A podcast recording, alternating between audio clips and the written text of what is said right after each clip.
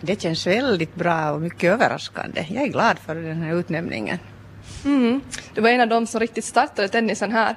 Uh, om du skulle ge en snabb lektion i, i tennis, vad skulle du då berätta om sporten? Den är fordrande, mycket fordrande. Och det, det som nu idag, framförallt med dessa barn som jag nu för tiden lär. Så det är den här koncentrationen. Koncentrera dig på den sport du gör.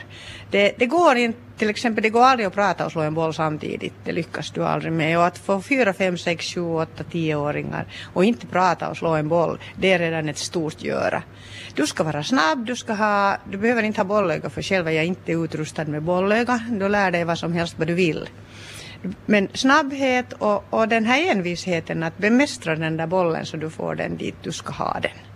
För att det är nog, det är nog tufft att som ett litet barn stå ensam på, på den där ena halvan av tennisplan och, och alla tittar på dig och, och, och det tycks vara som så att det är den största biten att komma över när du börjar tennis.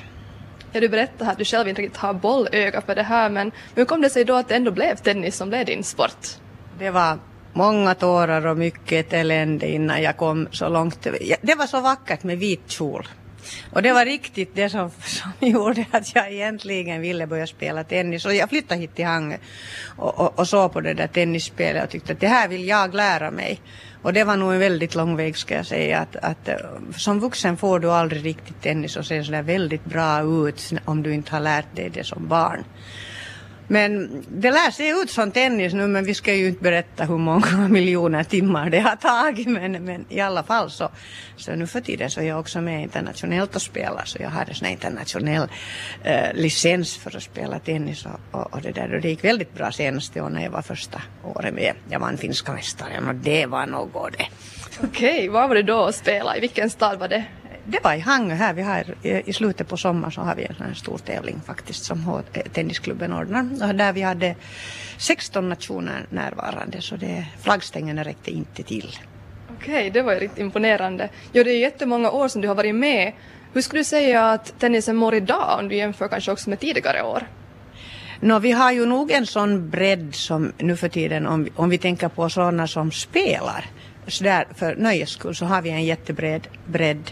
Men sen om vi tänker på då hur, hur långt vi är internationellt eller vi ska säga redan nationellt så där har vi ju nog en, en hel del att gå. Det, det är väl kanske så att att tennisen det fordrar så förskräckligt mycket och utan att ha en familj som backar upp en både ekonomiskt och, och, och också tidsmässigt så, så blir du nog ingen storspelare. Vi har nog fler nu som är, liksom, stiger väldigt fint på listorna det är inte fråga om det, men, men jag tror att tennisvärlden var också så mycket mindre förr än vad den är idag. Så det är mycket, då var det mycket lätt att komma högt upp, bara sådär med, med lite spelande här och där, men idag så är det nog, det är nog så proffsigt att du ska nog satsa nästan hela din tonårstid på det. Nå, är det någonting som ännu fattas på din tennisönskelista som finns här i Hangö? Nej, vi är nog tennisens mecka, det är vi nog och, och, vi är nog väldigt stolta i vår klubb. Vi, vi har ett av Finlands finaste klubbhus och, och, efter här några månader så kommer vi också att ha våra socialutrymmen som kan ta precis emot vem som helst. De har stor renovering för flera hundratusen för tillfället. Banor kommer vi att ha tio stycken här, i massa banor som är i alla fall den bana som alla vill spela på, för det finns ju inte så hemskt mycket massa banor mera. Som som sådant så tycker jag nog att jo, vi har nog allt vad som behövs i en sån här liten stad som, som eh, tennis. Det som tennisen kanske, eh, kanske skulle vilja ha en egen inomhushall eh, under vintertid så att vi inte behöver eh, dela det här med fotis och allting annat. Men, men det här är så stor ekonomisk fråga också för de som använder sig av att spela tennis att eh, jag tycker att för tillfället så är jag riktigt nöjd med hur, hur tennisen ser ut i handen.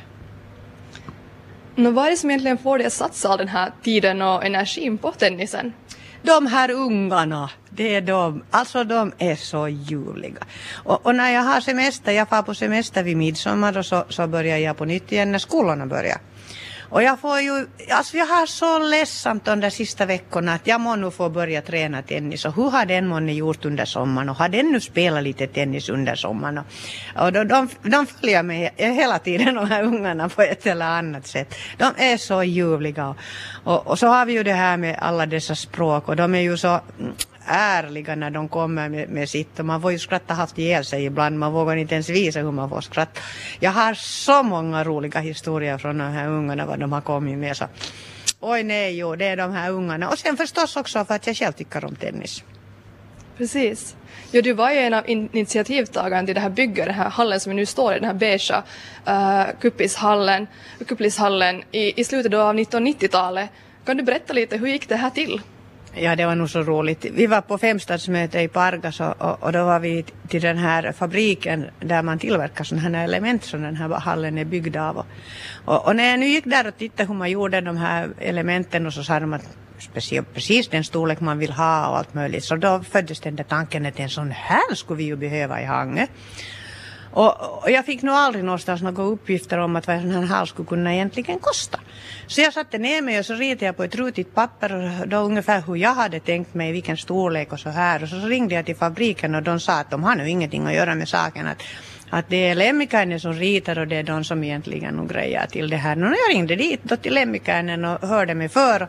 Så ville de se på mitt rutiga papper och, och så den tiden faxade man ju omkring papper hit och dit så jag faxade dit det där pappret och det räckte inte så länge så sa han nog ungefär så här. Jaha, no, då sätter vi igång och lobbar för att vi ska få en sån här hall. Och sen som sagt så det var ju ett politiskt beslut och nu var det mycket armbrytning runt det men här är den här hallen. Här står den. Ja, det är några stenar står den fortfarande kvar här. Ja. Uh, hur ofta används den här hallen numera? Den här hallen används hela tiden alla där. Här spelas ju allt från badminton till fotis, allt däremellan. Och vi, här är också en sån här klättringsvägg. Och så finns här löpbanor lite grann så här tränar också Linda Sandblom i den här hallen och, och många andra. Den används nog väldigt flitigt. De sista går väl härifrån någon gång runt nio tiden och, och, och skolorna kommer också hit. Att, hit är nu på väg ett daghem till exempel, hörde jag just, som kommer hit klockan nio. Att nu används den väldigt mycket nu. Ja, här är nog riktigt många banor också. Det går att använda också för fot futsal förstod jag att här spelas. Ja, jag tror att här används nog för allt, allt vad man kan tänka sig att riktigt lämplig är den här mattan inte för någonting för att om du faller på den så bränner den. Den bränner sönder kläder. Så är det också för tennisen att nu är det många som klagar att den är inte riktigt lämplig för tennis men, men jag tycker att när vi är så här många och får använda en sån här hall så billigt som man får göra det i Hangö så får vi nu alla lite pruta på att, att vill vi nu sen bli något riktigt stort och ska ha special så, så då är det nog bara att sätta armbågarna fram och skaffa sig det någon annanstans men att den här duger bra som träningshall tycker jag. Ja, den skulle inte behöva till på den här tennisönskelistan som vi har frågat om tidigare. Den golvet behöver inte ändras enligt nej, den då. Ja, nej, inte alls för då, den, då utesluter vi någon annan. Så att det är inte så bra idé. Precis. Ja, du nämnde här redan att barn, att träna dem är det liksom viktigaste, eller någonting som du ger dig väldigt mycket. Du har tränat flera hundra barn och unga. Vad skulle du säga att är det roligaste med att, att träna med dem? No, först och främst så de är ju som en öppen bok när man, när man ser vad de, man ser vad de tänker redan. Eh, det, är, det är många utmaningar på vägen men det, är, det som jag tycker att det, jag, jag har tagit det som min uppgift. Att, jag vet nog inte egentligen om jag har fått den eller om jag har tagit den men i alla fall så har jag tagit den som så att vareviga en unge som kommer in och har en racket i handen så ska kunna slå grundslag. Och det har också visat sig att, att det har nog varit kanske en väldigt bra idé som jag har haft, att, att de ska kunna grundslagen, de mer eller mindre utan att de vet det så, så, så, man säger på finska tako, så sätter man in det i huvudet på dem. För mm, ibland så får jag hälsningar från Tammerfors universitet eller från någon annanstans. När, när man har lagt upp inom universiteten en, en egen sån här tennisgrupp som far runt och spelar tennis och då kommer det meddelande ifrån att tusen tack att du lärde mig tennis att, att nu vår, vårt gäng har, har vunnit nu, vi vann dem och dem och vi vann dem och dem. Att det var nog så bra att jag lärde mig tennis. Att skulle alla bara se det när man är liten att vilken jätte jättefröjd och glädje man har av, i, senare i livet så mm, det skulle vara ganska roligt. No. Ja, att idrotten ger mycket till, till en. Väldigt, väldigt mycket, ja, väldigt mycket och, och framförallt tennisen. Eh, Min man som ibland brukar hjälpa mig här att städa undan lite bollar om jag har bråttom på något möte eller någonting sånt så han sa att att hördu, hur gamla är de där ungarna där? Jag sa att no, de är fem och sex och sju. Ja men de räknar ju så förskräckligt bra, stora tal räknar de ihop. Att, hur kan de det? Så säger jag det för att vi räknar de där bollarna och sätter dem på racketen och slår ihop racketarna. Hur mycket blir det tillsammans? Nå, no, femåringarna slår ihop 14 plus 16 galant så nu lär de sig allt möjligt när de spelar tennis.